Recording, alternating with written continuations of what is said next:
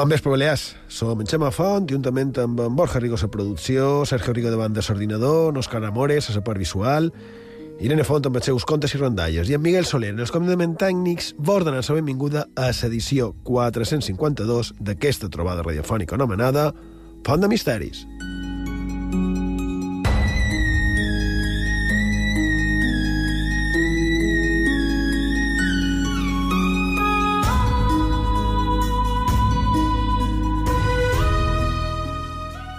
Bon vespre, Borja Rigo. Bon vespre. Sergio Rigo, bon vespre. Bon vespre, Xemà. Edició dominical de Font de Misteris i, abans de res, una coseta mm, que encara no han comentat allò que es va publicar la setmana passada damunt dels rovers a Mart. Eh? Aquestes sondes que s'han enviat ara no fa poc, no fa un parell d'anys, per tractar de trobar vida a la superfície del planeta.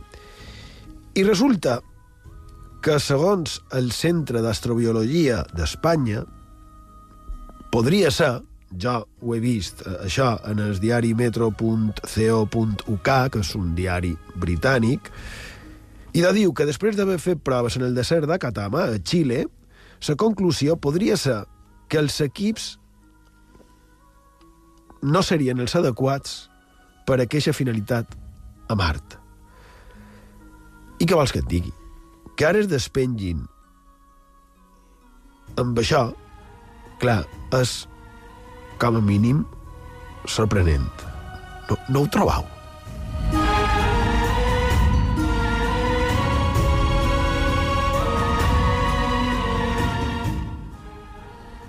Home, és curiós, no?, que sigui un poc a posteriori, després d'enviar les sondes, que diguin, no, és que no, no són per això. Sí, eh, bé... Això, estan, estan anticipant una errada monumental dels equips, per ventura? No ho sé, jo és que ho vaig trobar i me va sorprendre moltíssim. Me va sorprendre el titular, perquè el titular era eh, una cosa semblant a la vida marciana es, eh, se fa esquiva en, els, en el rover, una cosa així, no? I vaig dir, que, que, què és això? Ja sabia que era un clipbait d'aquests. Jo ara faré d'en Borja i diré i s'han trobat alguna cosa i s'ho omplen com a excusa per, per no, per no parlar-la. Podria ser, però també hi ha les imatges, no? No, però... evidentment, també no, no és el tema d'avui, però hem de recordar que totes aquestes missions de, de vehicles que recorren la superfície marciana hem de recordar que ni són molt ràpids ni abarquen molt d'espai. No, és, és un espai molt reduït i, a més, està dins d'un cràter, que si féssim, si féssim broma, podria haver els marcians dos pams més cap a la dreta o a l'esquerra, saludant en sa mà, i no els veurien. Sí, no tant, però sí, efectivament és així. Bé, estirem també a sobre a veurem què és el que passa. I de Miguel, si vols, cinto sumari i comencem. En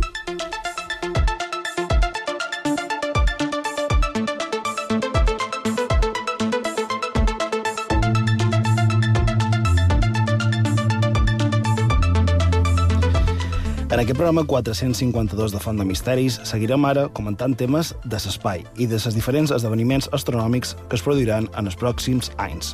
Com us espera en els cels?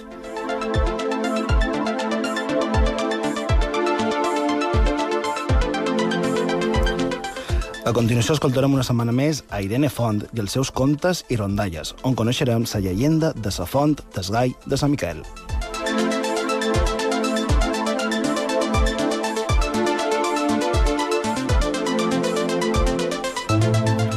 Després no deixarem de banda els animals i parlarem de gais negres, porcs singulars i d'alguns fantasmes que tenen relació amb aquests.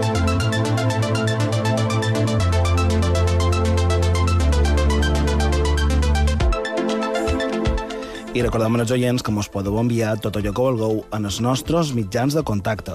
Ho podeu fer, com sempre, per WhatsApp i Telegram. El número de telèfon és 659 1669 52. Ho repetim, 659 1669 52. També per correu electrònic, fontdemisteris arroba ib3radio.com fontdemisteris arroba ib3radio.com També mos podeu seguir a les xarxes socials. A Facebook i a Twitter ho podeu fer cercant Font de Misteris. També a Instagram. Allà mos trobareu cercant Font de Misteris i B3.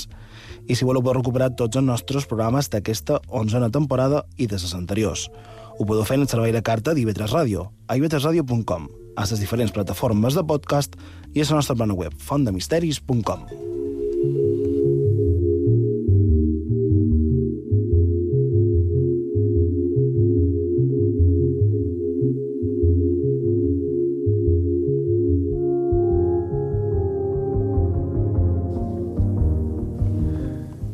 Mira, una de les coses que, si volen, mos poden demanar és l'enllaç en aquest en, eh, diari britànic que he comentat, que deia això de que de menys si la vida a Mart mos, mos estava esquivant, no?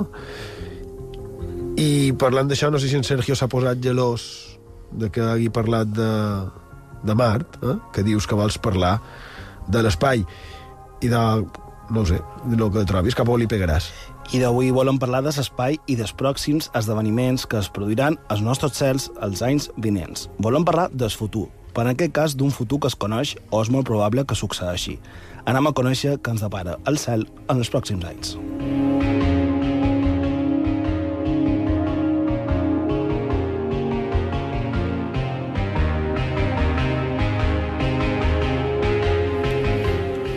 Començant per aquest 2023. Segons coneixem per la web Neoteo, el pròxim 14 d'octubre, a una major part del continent americà, es podrà veure un eclipsi solar anular. Això vol dir que el diàmetre de la Lluna serà més petit que el del Sol i semblarà un anell de foc.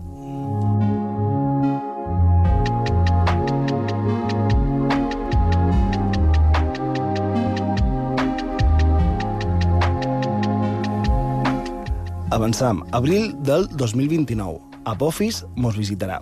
L'asteroide 9942, Apophis, va ser descobert el 2004 i els càlculs diuen que hi haurà un 2,7% de possibilitats d'impactar contra la Terra el pròxim 13 d'abril de 2029. Però sembla que no serà així. Però estarà molt a prop, només a 31.600 quilòmetres, i serà visible a Europa, Àfrica i l'oest d'Àsia.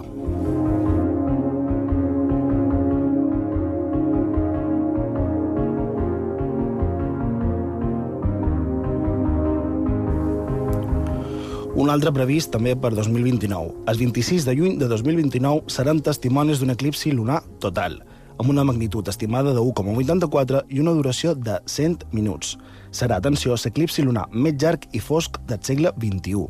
I a més a més, la lluna se tornarà roja o de color taronja, convertint-se en una lluna de sang.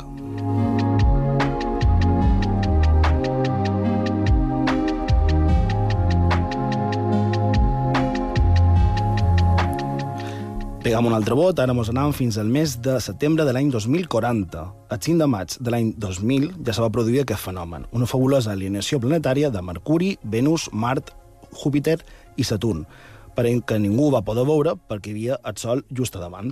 Per al pròxim 8 de setembre del 2040 tindrem una nova oportunitat de presenciar-lo, i segons la NASA, aquesta vegada sí que el podrem veure aquesta alineació planetària.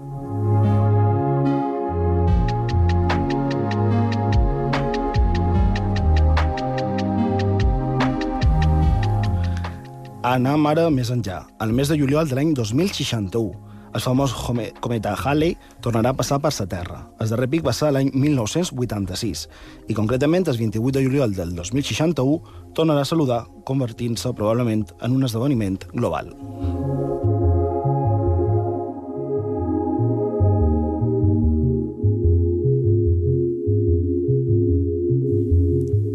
I per acabar, anem amb un mes. En els darrers mesos del segle XXI hem de parlar del que ocorrirà el pròxim 24 de març de l'any 2100. Aquell dia, l'estrella del nord i el nord polar s'alinearan. A conseqüència dels moviments de l'eix terrestre, les estrelles no estan fixes en el cel, i Polaris manté, segons el GIM, un cicle de 26.000 anys, que la farà apropar-se al pol nord. I aquest dia quedarà a 0,45 graus del pol nord celestial.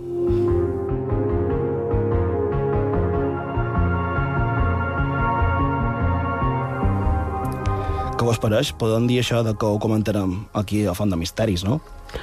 Home, l'any 2100, no ho sé jo, eh? no ho sé.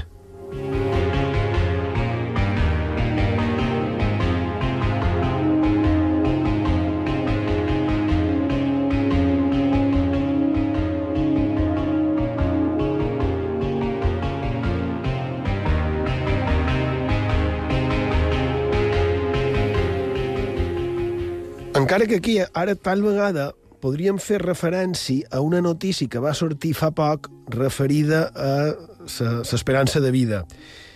I clar, jo dius, això mm, vol dir res, Borja Rigo. Així jo aprofit i, i mentre estàs xerrant jo la començo a cercar.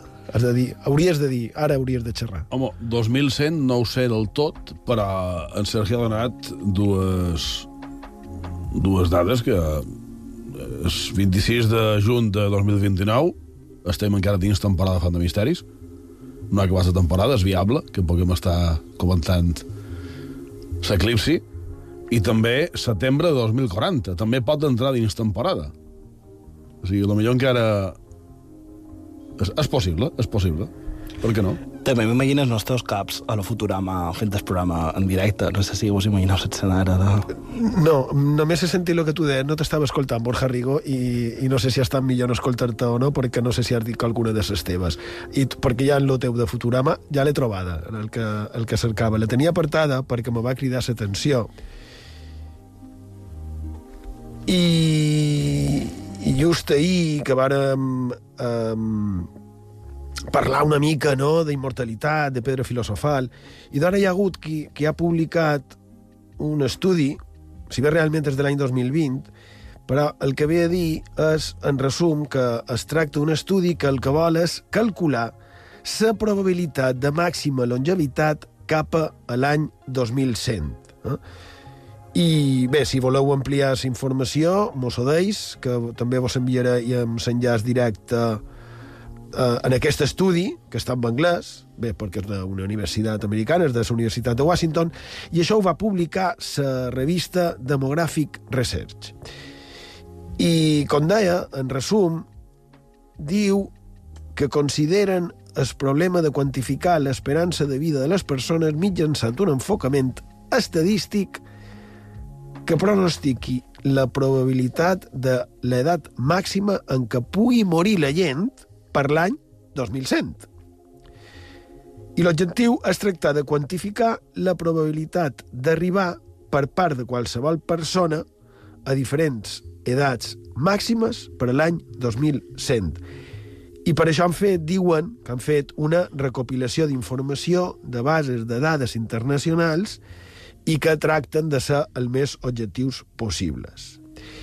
I com a resultat d'aquest estudi que qualque mitjà de comunicació va publicar aquesta setmana, que és el que m'ha posat en, damunt la pista, diu trobam que el model de supervivència exponencial per a supercentenaris és consistent en les dades de I de L, no sé què és, més recent, i que les projeccions de la població de 110 a 114 anys fins a 2080 són raonables. Integrem sobre les distribucions posteriors del paràmetre del model exponencial i l'incertesa a les projeccions de població supercentenària per estimar una distribució incondicional de l'edat màxima reportada al morir per a 2100. I han arribat, i aquí ve la cosa, a les següents conclusions. Segons l'anàlisi bayesià, existeix una probabilitat superior al 99% que l'edat màxima reportada al morir actual de 122, de 122 anys, es trenqui en 2100. Diuen, estimem les, probabilitat, les probabilitats que una persona visqui almenys fins als 126, 128 o 130 anys aquest segle com 89, 44 i 13% respectivament.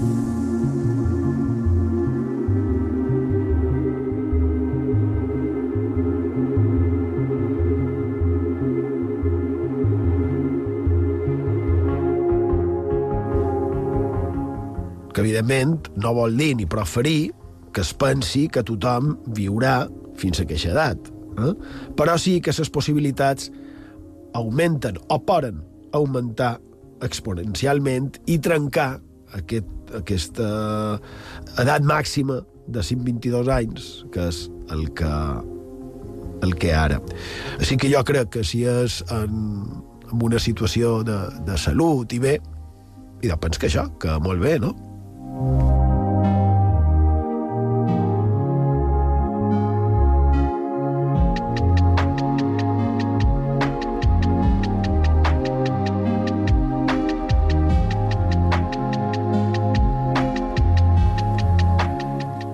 Bé, i dit això, una altra coseta. Ja han contestat a qui mos ho han demanat però dic que aquests dies, avui és 5 de març de 2023, ho dic pel que després mos escolten a, a través del sistema La Carta, d'Ivetres Ràdio, o, o, o Ivox, les plataformes aquelles que diu, aquestes coses que diuen Sergio. Que per cert, Sergio, pensava que parlaries d'això quan me vares dir que, que volies comentar coses de l'espai i de fenòmens astronòmics, però dir que aquests estranys llums que s'han vist en, en el cel mirant cap a Ponent, eh, un pic ja posat el, el sol, és a dir, cap on se posa el sol, un pic posat al sol, aquells dos llums tan brillants i que estaven tan apropats entre ells que no era res massa misteriós, eh? que només era una conjunció astronòmica que feia que es veiessin molt a prop, eh, entre ells, ja dic, els planetes Júpiter i Venus. Eh? Ha estat una xulada en el cel, que, que cridava l'atenció, així que si qualcú va veure i no sabia què era, i ja ho sabeu, era Júpiter i Venus. Eh? I dissabte, per exemple, també se veia espectacularment, encara, perquè s'estaven distanciant, però encara se veia espectacularment. I de res, petita pausa i tot d'una continuem aquí, a Font de Misteris, a IB3 Ràdio.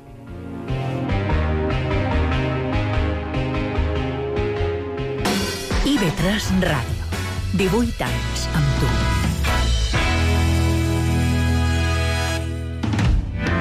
Entre avui i demà, cada dimecres a les 9 i mitja del vespre, vos convidam a la nostra secció de biografia. Homes i dones que han fet història i que ens ajuden a mirar l'actualitat. La época en que Jim Button era adolescente, su madre, que era una mujer adelantada a su tiempo y que vivía frustrada por no haber podido llegar a donde habría podido llegar de haber sido una sociedad hecha por y para los hombres, pues la había educado a ella para ser grande. No sabían qué, pero en algo iba a ser grande. Jim, la primera vez que vio unos aviones militares maniobrar, se entusiasmó, dijo que quería ser piloto. Entre avui i demà, a IB3 Ràdio. Hi ha molta gent jove que surt. La qualitat és molt bona. S'ha obert molt el ventall d'estils. Abans, el que xerraven abans, hi havia pop rock, heavy, i ja està. Els músics i els seus ecos. Ara mesclem més electrònica, folk... Hi ha de tot. Hi ha de tot. I Però, molt. A més, jo sempre ho he dit, un dels baremos és estendre de música. Diorama. Si els estenders de música ha moviment, que veus que reposen guitarres, que tal, això vol dir que els grups estan cresquent a tope. De dilluns a dijous, de 10 a 11 del vespre. Amb Mònica Borràs. Aquest diumenge, a partir de les 12 i fins a les 4 i mitja del cap vespre, Esport 3 en joc amb el futbol balear. En directe, la primera federació amb el Numància Atlètic Balears. Per rematar, arriba Marc Baró! Els blanquiblau cercaran a l'estadi de los Pajaritos remuntar a la classificació després de dos empats i cinc Cats derrotes. baixos, mans als I en acabar des de Butarque, la segona divisió A amb el Leganés U d'Eivissa, en Raúl Medrano i Toni Torres. Cain que retalla, Cain que prova, xut, la pilota que toca! Tot a IB3 Ràdio, a Esports 3 en joc.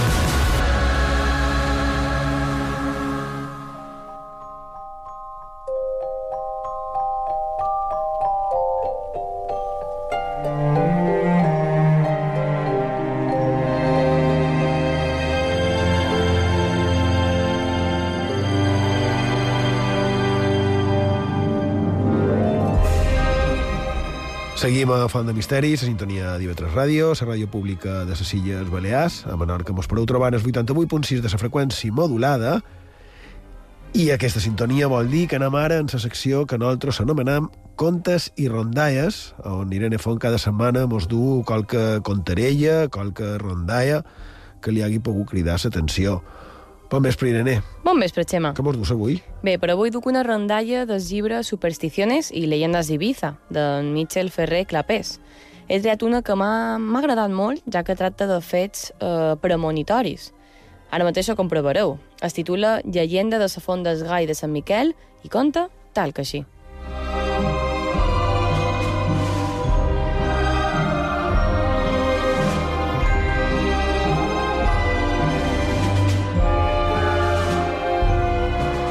Antigament, a les pitiuses es tenia la creença de que cada dia, a les 12 en punt de la nit, sortia un gai negre que no tenia més plomes que les justes per poder volar. Aquest gai, segons es contava, tenia uns ulls centellants i es llançava els atrevits que s'atraquessin per allà. I dos conta que en una ocasió, en una casa de camp, es trobaven diversos amics i entre ells destacava un pel seu valor i gossadia, considerant-se el més valent del poble. Aquests joves es trobaven xerrant animadament quan al cap d'una estona va sortir a la conversa el tema de la font i del gai ferotge i misteriós.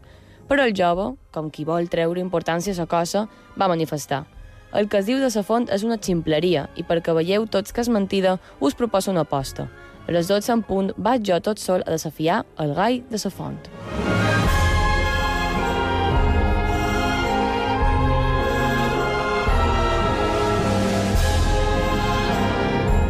Els altres amics, que no arribaven a creure que la gossadia del seu amic arribés a tal extrem, li varen replicar «I quines proves tindrem nosaltres de que compleixes amb la teva paraula?»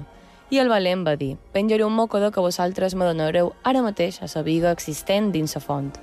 Els seus amics, encara no molt convençuts, li varen dir «El mocador el pots penjar a la sortida del sol, i nosaltres, si així ho fessis, no ens adonaríem».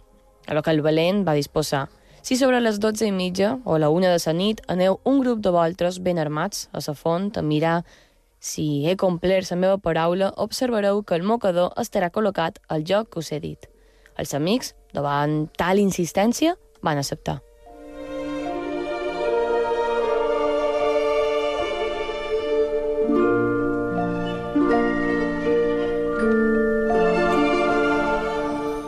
Bé, aquí s'ha d'aclarir que aquesta font estava de vers mitja hora de distància de la casa on va tenir lloc la xerrada.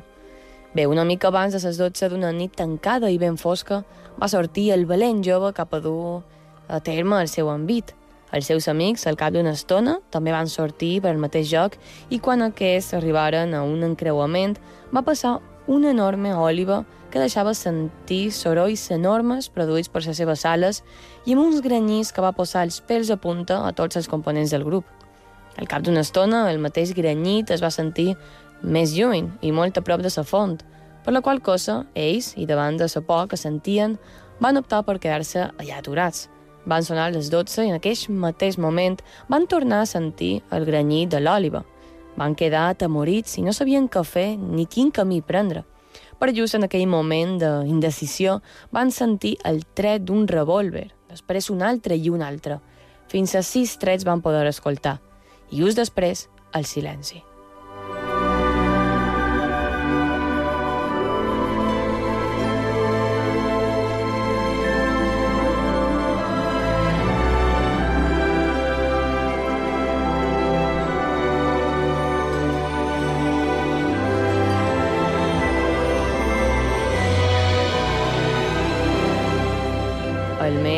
Agosserat del grup, patint pel seu amic, el que anava de valent, amb el qual havia apostat que a la font no passava res i que ara devia de trobar-se allà, va suggerir a veure si l'ha passat alguna cosa. Però no havia acabat de dir aquestes paraules quan tots els components del grup van sortir d'estampida cap a casa. Després d'arribar i ficar-se al llit, va estar pensant tota la nit en el que havia passat.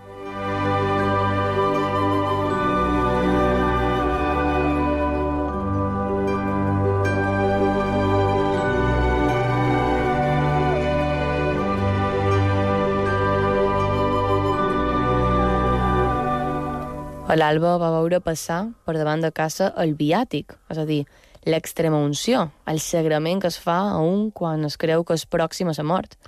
I el viàtic era per al seu amic, encara que ell ni tan sols se sospitava. A conseqüència de tot això, el valent jove que hi havia fet l'aposta sobre la font i el gai va estar diversos mesos debatent-se entre la vida i la mort. Al cap de diversos mesos del succés, en un dia de festa, tots els assistents que eren a la missa que se celebrava al poble van poder veure entrar un desconegut que anava encorbat. Tenia els cabells blancs i durant tot el temps de la missa va romandre de, de genolls.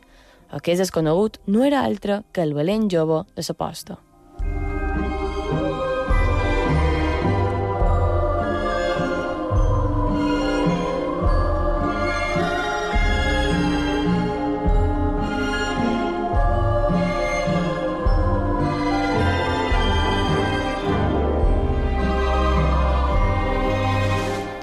L'any següent, aquest jove va morir, però ningú va saber ni tan sols esbrinar mai el que havia passat en realitat en aquella trist, fosca i tancada nit a Sant Miquel. Fins fa poc anys, quan la gent, del cap principalment, sentia el granyit d'una òliva, sempre sentia mor, mort de por, perquè això era un mal presagi i senyal de que alguna cosa dolenta estava a punt de succeir. Si les persones que escoltaven eren a l'interior d'una casa, més probable és que sortissin a l'exterior, per por de que el sostre s'enfondés. I l'autor explica que fins ell li va arribar una versió segons la qual fa uns quants anys hi havia un jove que es dirigia cap a casa a nit, però una mica abans d'arribar va sentir el crit d'una òliva, per el qual, i tement que alguna cosa dolenta estava a punt de passar-li, es va tirar amb el cos al terra. En aquell mateix moment es, va, es van sentir diversos trets que van passar xiulant sobre el seu cap i que, sense cap dubte, gràcies a l'òliva i el seu avís, va salvar la seva vida.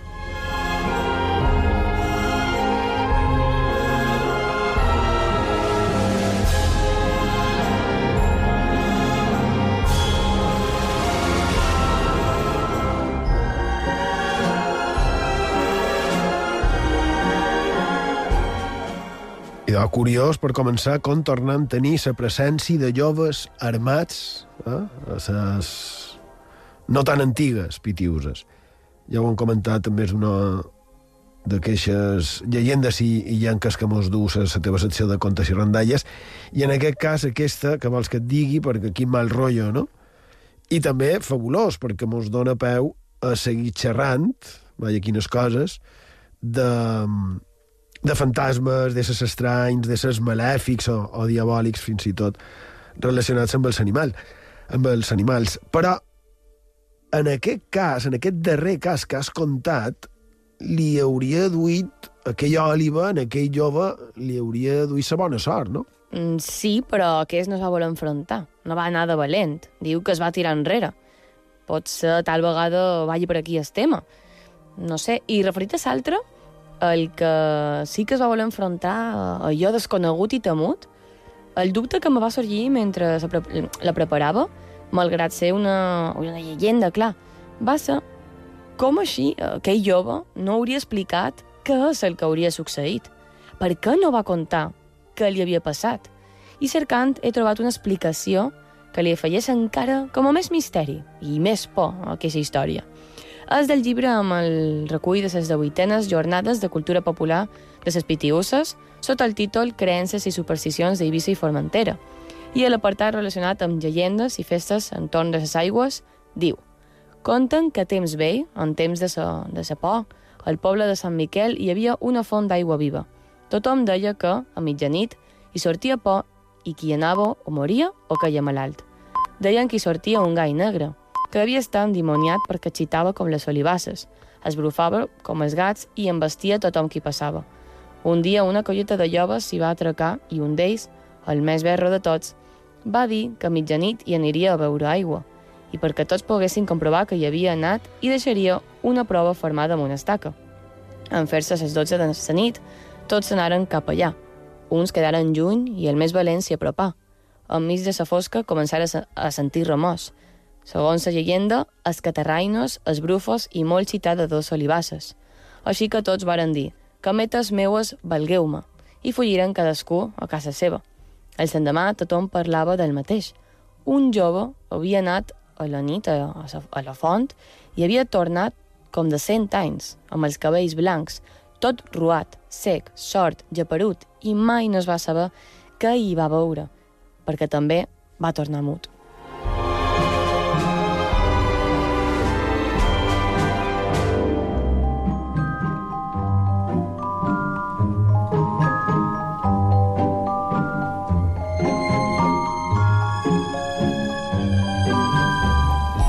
Així que ja ho sabem, sec, sort i mut, com, com ho anava a contar.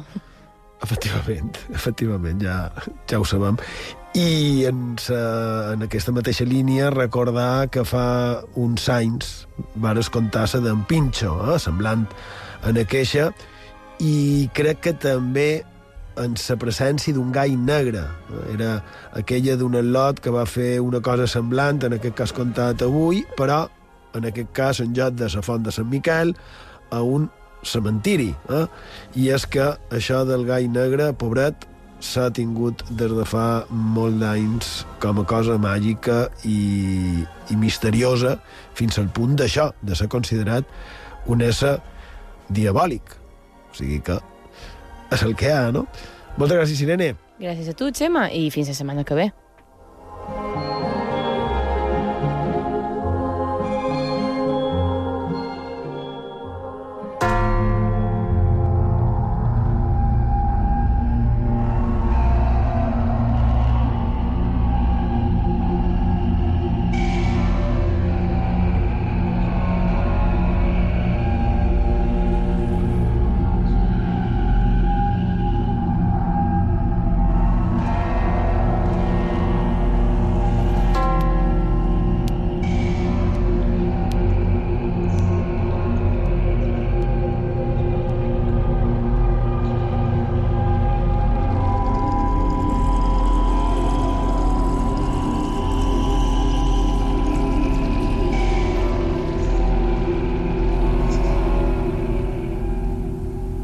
Que és que és així. El gai negre, no?, com a com a representació o com a ell mateix ésser diabòlic, com a representant del mal, com a una presència d'allò màgic, d'allò enigmàtic, no?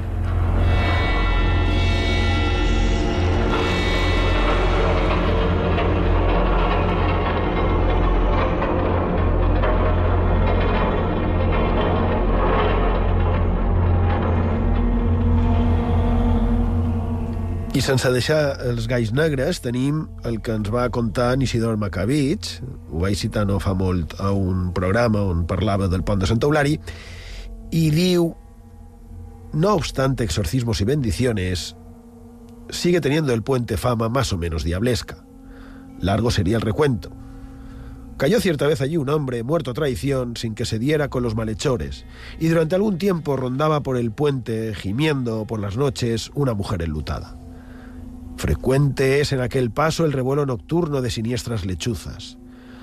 A un hombre que atravesaba el puente de noche siguióle un enorme gallo negro que corría sobre el pretil, y al disparar el viandante sus pistolas contra el pajarraco, voló este incólume, envuelto en un resplandor azul, azulado. Una ronda de jóvenes dieron en el puente cierta noche con un fantasma y viendo que no cedía a pedradas ni a tiros, torcieron por otra senda con el consiguiente espanto.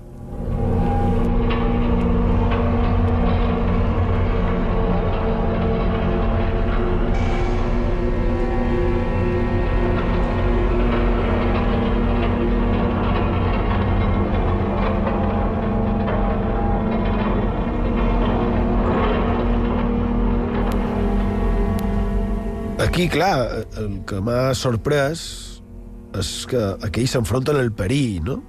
Perquè imagina que el que estava creuant el pont de nit, el pont vell de Santa Eulari, del riu, a Eivissa, i no devia saber en el que s'estava exposant, no? I també m'ha cridat l'atenció com són de recurrents els mateixos elements, no? Les òlives, el gai, les pistoles, els trets, la mort, no? I com el gai hauria ignorat els fets que succeïen als seus voltants, no? I això, com no pot ser d'altra manera, clar, un dels indrets considerats endimoniats de les nostres illes, on la presència del maligne seria un fet com a, com a real, no? Un lloc on trobar-nos amb el dimoni com a tal. Però, per si el dimoni mos és esquiu, vida a Mart. I de... M'apareix que en Borja té preparat, supos que ho tens preparat, Borja, per contar-nos un antic ritual que es feia precisament per dur a terme, per fer una invocació al maligne, que, a més, ve dir que, a part de salvatge, és delicte, no? Així que ni pensar en fer res semblant és, no és més que un exemple d'antics ritus i d'antigues creences. No? Així que, Borja Rigo, si volien contactar amb el dimoni, com ho feien? I de una de les maneres era agafar un fascinant llibre com és el Grimori del papa Honori, en teoria, obra de, del papa Honori III, però suposam que en realitat no. En qualsevol cas, també hi ha certa polèmica de si se va publicar per primera vegada mitjans segle XVI, mitjans segle XVII. En qualsevol cas, i ja que és diumenge, com se feia precisament per invocar en el dimoni que té més poder aquest dia? D'entrada, s'ha de fer precisament en aquesta hora, és a dir, entre les 11 i les 12 del vespre, així que de moment anant bé. Perquè això funcioni, el més ideal és estar a qualque indret en fora de nuclis de població on no hi hagi ningú, i allà, per invocar en Sugarth, que així se diu aquest diable, s'han de fer tres cercles concèntrics de protecció, en terra, entre el primer i el segon s'ha d'escriure lo següent. Javé, Adonai, Sabaoth, Elohim. A continuació, entre el segon i el tercer s'ha d'escriure aquesta frase. Sugarth compareix, Sugarth compareix, Sugarth compareix. I en el centre s'ha d'escriure el nom diabòlic, Sugarth.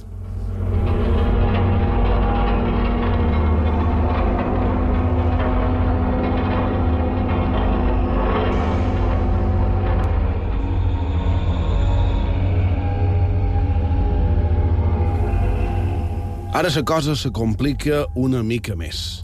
S'ha de degollar un gai negre i haurà de la següent manera. Prem per a tu la sang de l'holocaust, oh vigorós surgaz, ja que s'alça aquí pel teu honor i la teva glòria.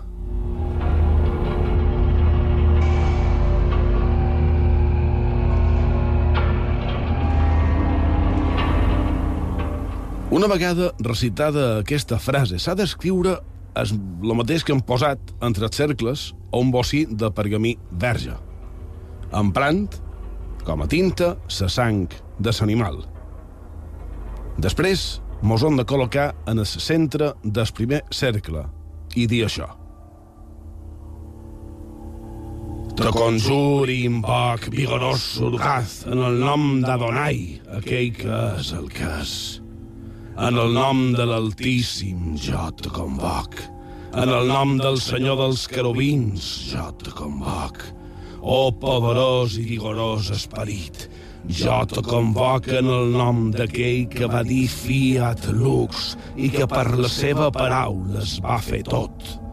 Aquell que des del setè dia va contemplar la creació i va ser hermosa pels seus ulls aquell que va donar vida a la vida i que té el poder per destruir-la. Senyor del sol que regeix aquest dia, jo te conjur perquè concedeixis tot allò que demand, ja que el teu poder és gran i el meu conjur just. Amén.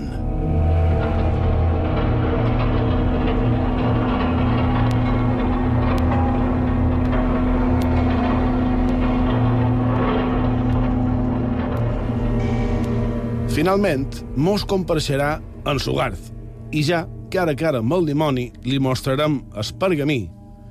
I després s'ha de dir això. En el nom del Totpoderós, demant que em concedeixis el coneixement i la virtut per trobar tresors que se troben a les muntanyes i a les valls.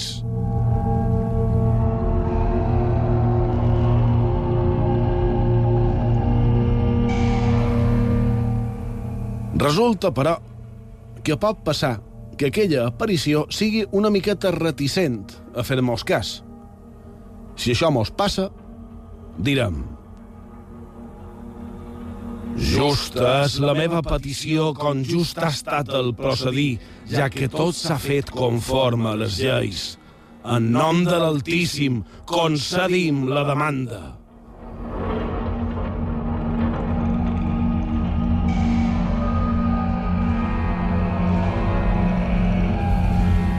I ara sí, el dimoni obeirà i mostrarà un anell d'or molt puc que mai. De cap manera hem d'agafar en ses mans. Hem de demanar a Sugard que el posi a la punta de la nostra espasa. Fet això, aquell ésser desapareixerà i una vegada hagi fuit, ara sí, mos poden col·locar l'anell en el dit mig de la mà esquerra i així, qui faci això posseirà un gran coneixement sobre tresors amagats. Coneixement que haurà d'emprar amb sanya.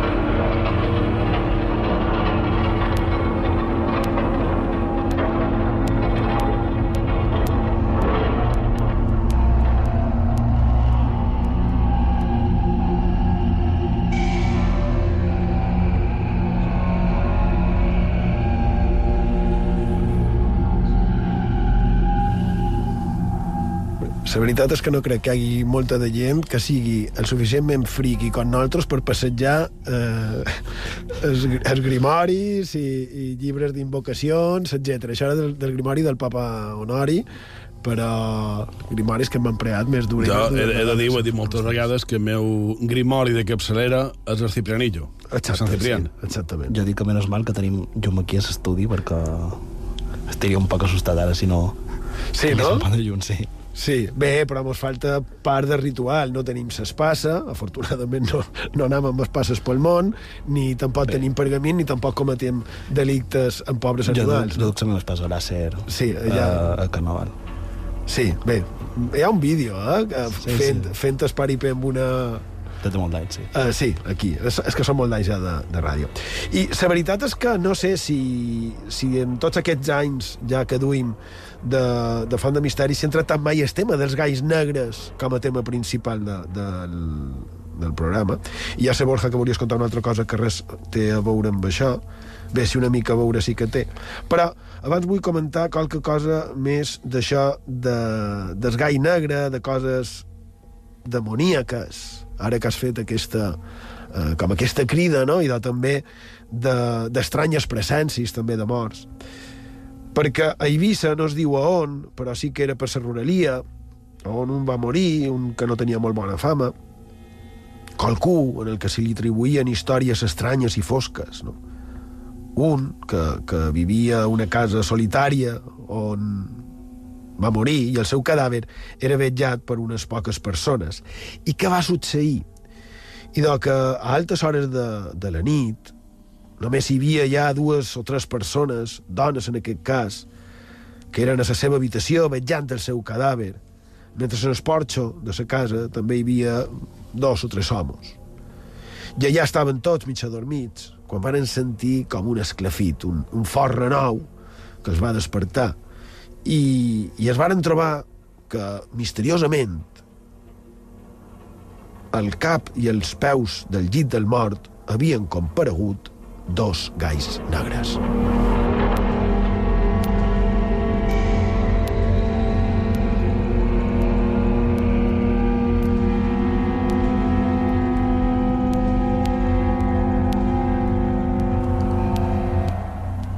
Aquells galls negres i misteriosos varen començar a agitar-se, a moure les ales, a posar-se com agressius, no? I a fer-se de cada vegada més i més grans. Amb uns ulls també com de foc que treien espires i un bec immens i de cada pic més amenaçador.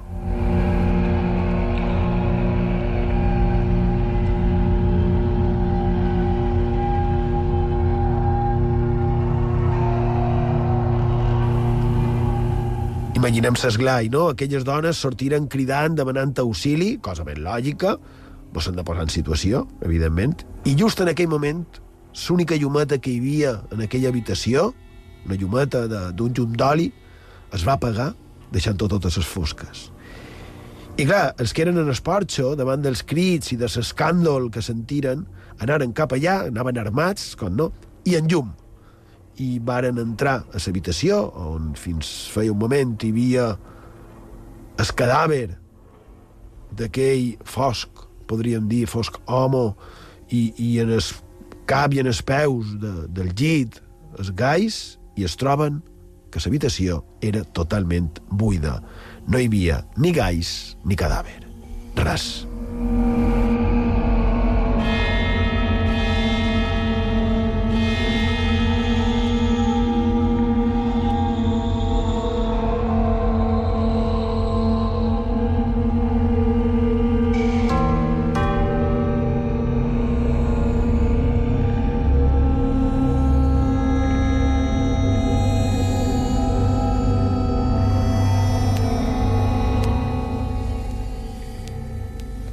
I a part de la cosa queixa més misteriosa, hi ha l'altra part més sorprenent relacionada amb els galls negres, com per exemple,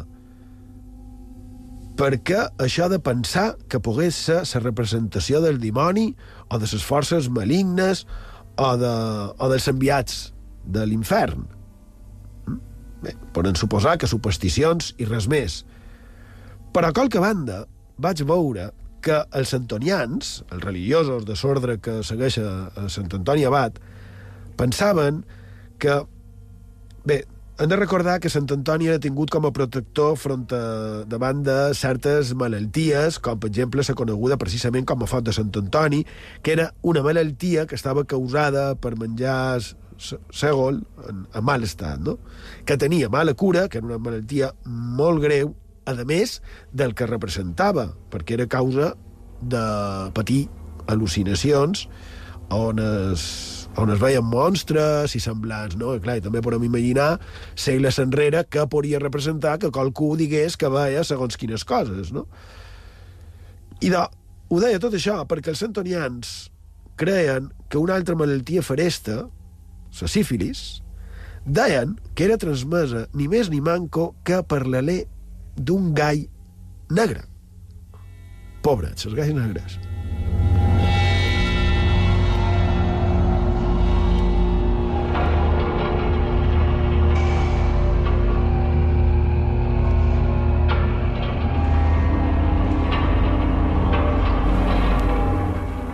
Bé, recordar, evidentment, que el motiu de transmissió de, de la sífilis eh, normalment és per transmissió sexual, així que si, si volem evitar les enfermetats de transmissió sexual, i hem d'anar, lògicament, amb precaució.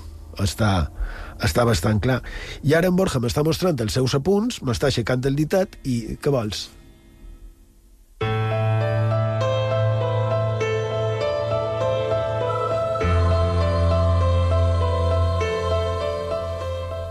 Ara he, he demanat en, en Miquel un canvi de sintonia perquè és que no vull que se me passi una, una cosa curiosa. Perquè aquesta mateixa setmana, en el digital del diari de Huelva, s'ha publicat una informació que té molt a veure amb, amb un tema que han tractat de font de misteris en profunditat aquests mesos, i és el dels fantasmes d'animals. És una investigació signada per José Manuel García Bautista, company andalús de ràdio i també de misteris, i conta l'investigador així ràpidament que una dona, de nom Maria Belén, se va posar en contacte amb ell per mort d'unes coses estranyes que passaven a, a casa seva.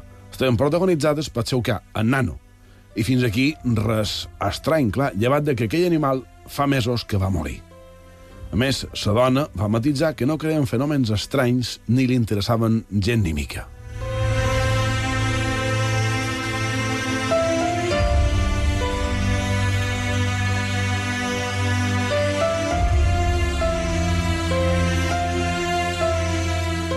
Aquell animalet havia mort de vell i conta la testimoni que el primer vespre després allò, a l'hora de dormir, va sentir com una presència en els seus peus, damunt el llit, i seguint el costum li va dir que ja era de dormir, com sempre feia, però clar, mm, immediatament va donar-se en compte la mantema de la situació i d'un bot se va aixecar per comprovar que no hi havia res damunt el llit. Més tard, un altre fenomen encara més inquietant. Per la tristesa, per no tenir forces, aquella dona encara no havia retirat el recipient de, d'espinso de l'animal, i aquell mateix vespre va sentir com si menjassin d'ell. Tot un hi va anar i no hi havia cap animal, però sí, i això la va espantar, Pinso escampat per terra.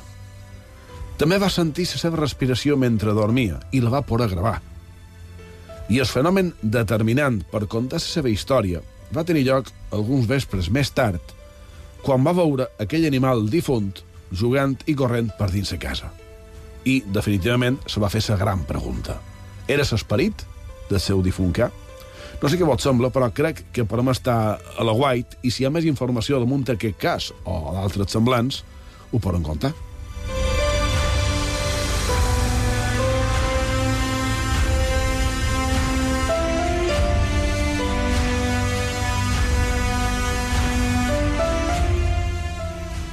Has dit no sé què de porcs o superporcs, Sergio Rigo, en el, en el sumari que havia de comptar amb Borja Rigo, ja, ja ho, ho, ho contaràs. La veritat és que és un cas molt molt com a mínim inquietant. No fa molt em varen contar, vaig contar un, precisament, de qualcú amb un també un animal domèstic que també li compareixia.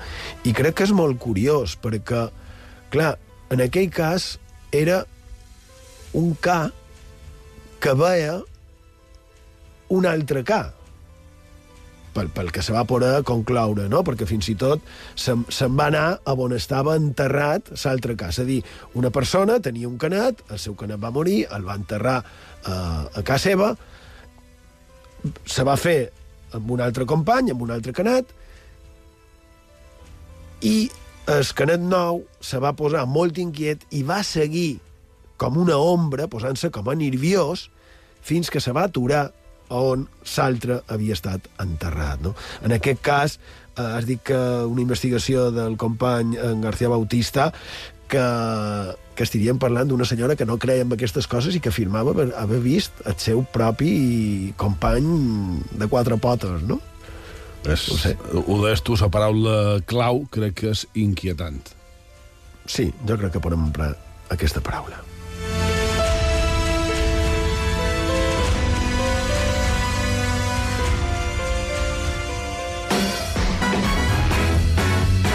IB3 Ràdio. Som grans.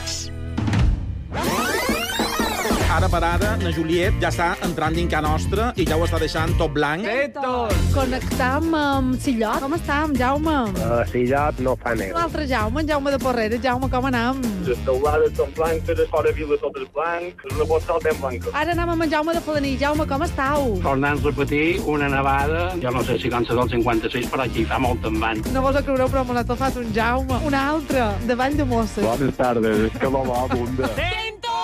Tentol, a IB3 Ràdio, a partir de les 3. Repassam 18 anys d'història. Mos preparam per començar. Neix IB3 Ràdio, la ràdio autonòmica de les Illes Balears. Emissió amb proves.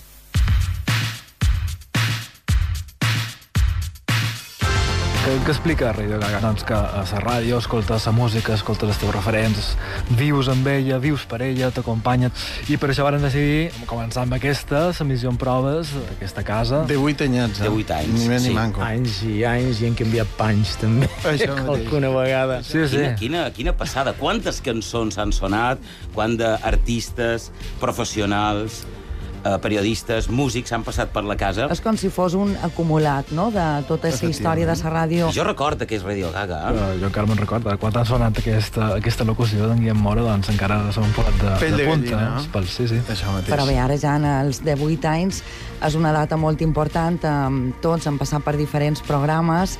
Mhm. eh, La música mos estira a, a tots. IB3 Ràdio. Som grans.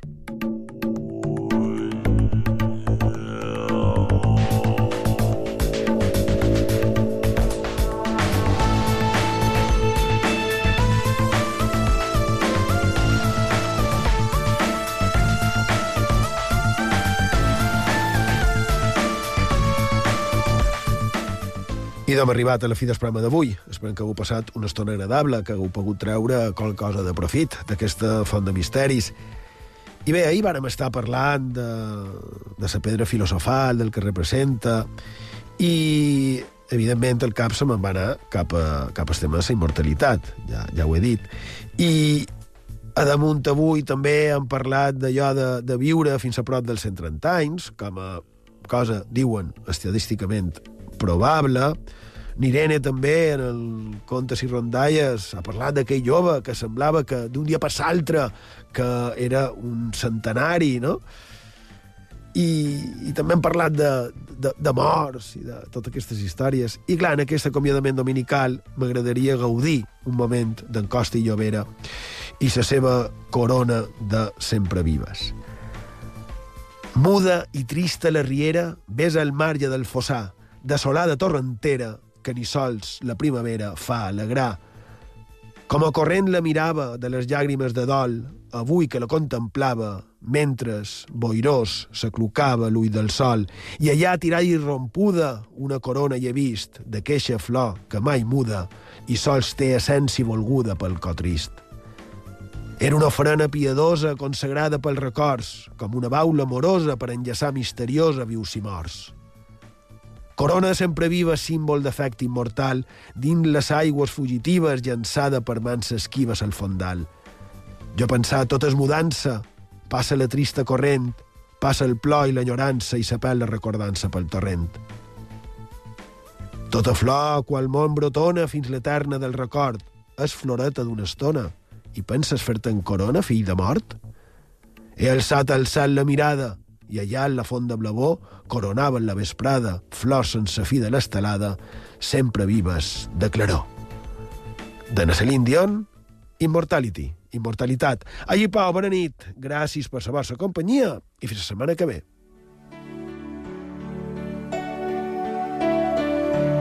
So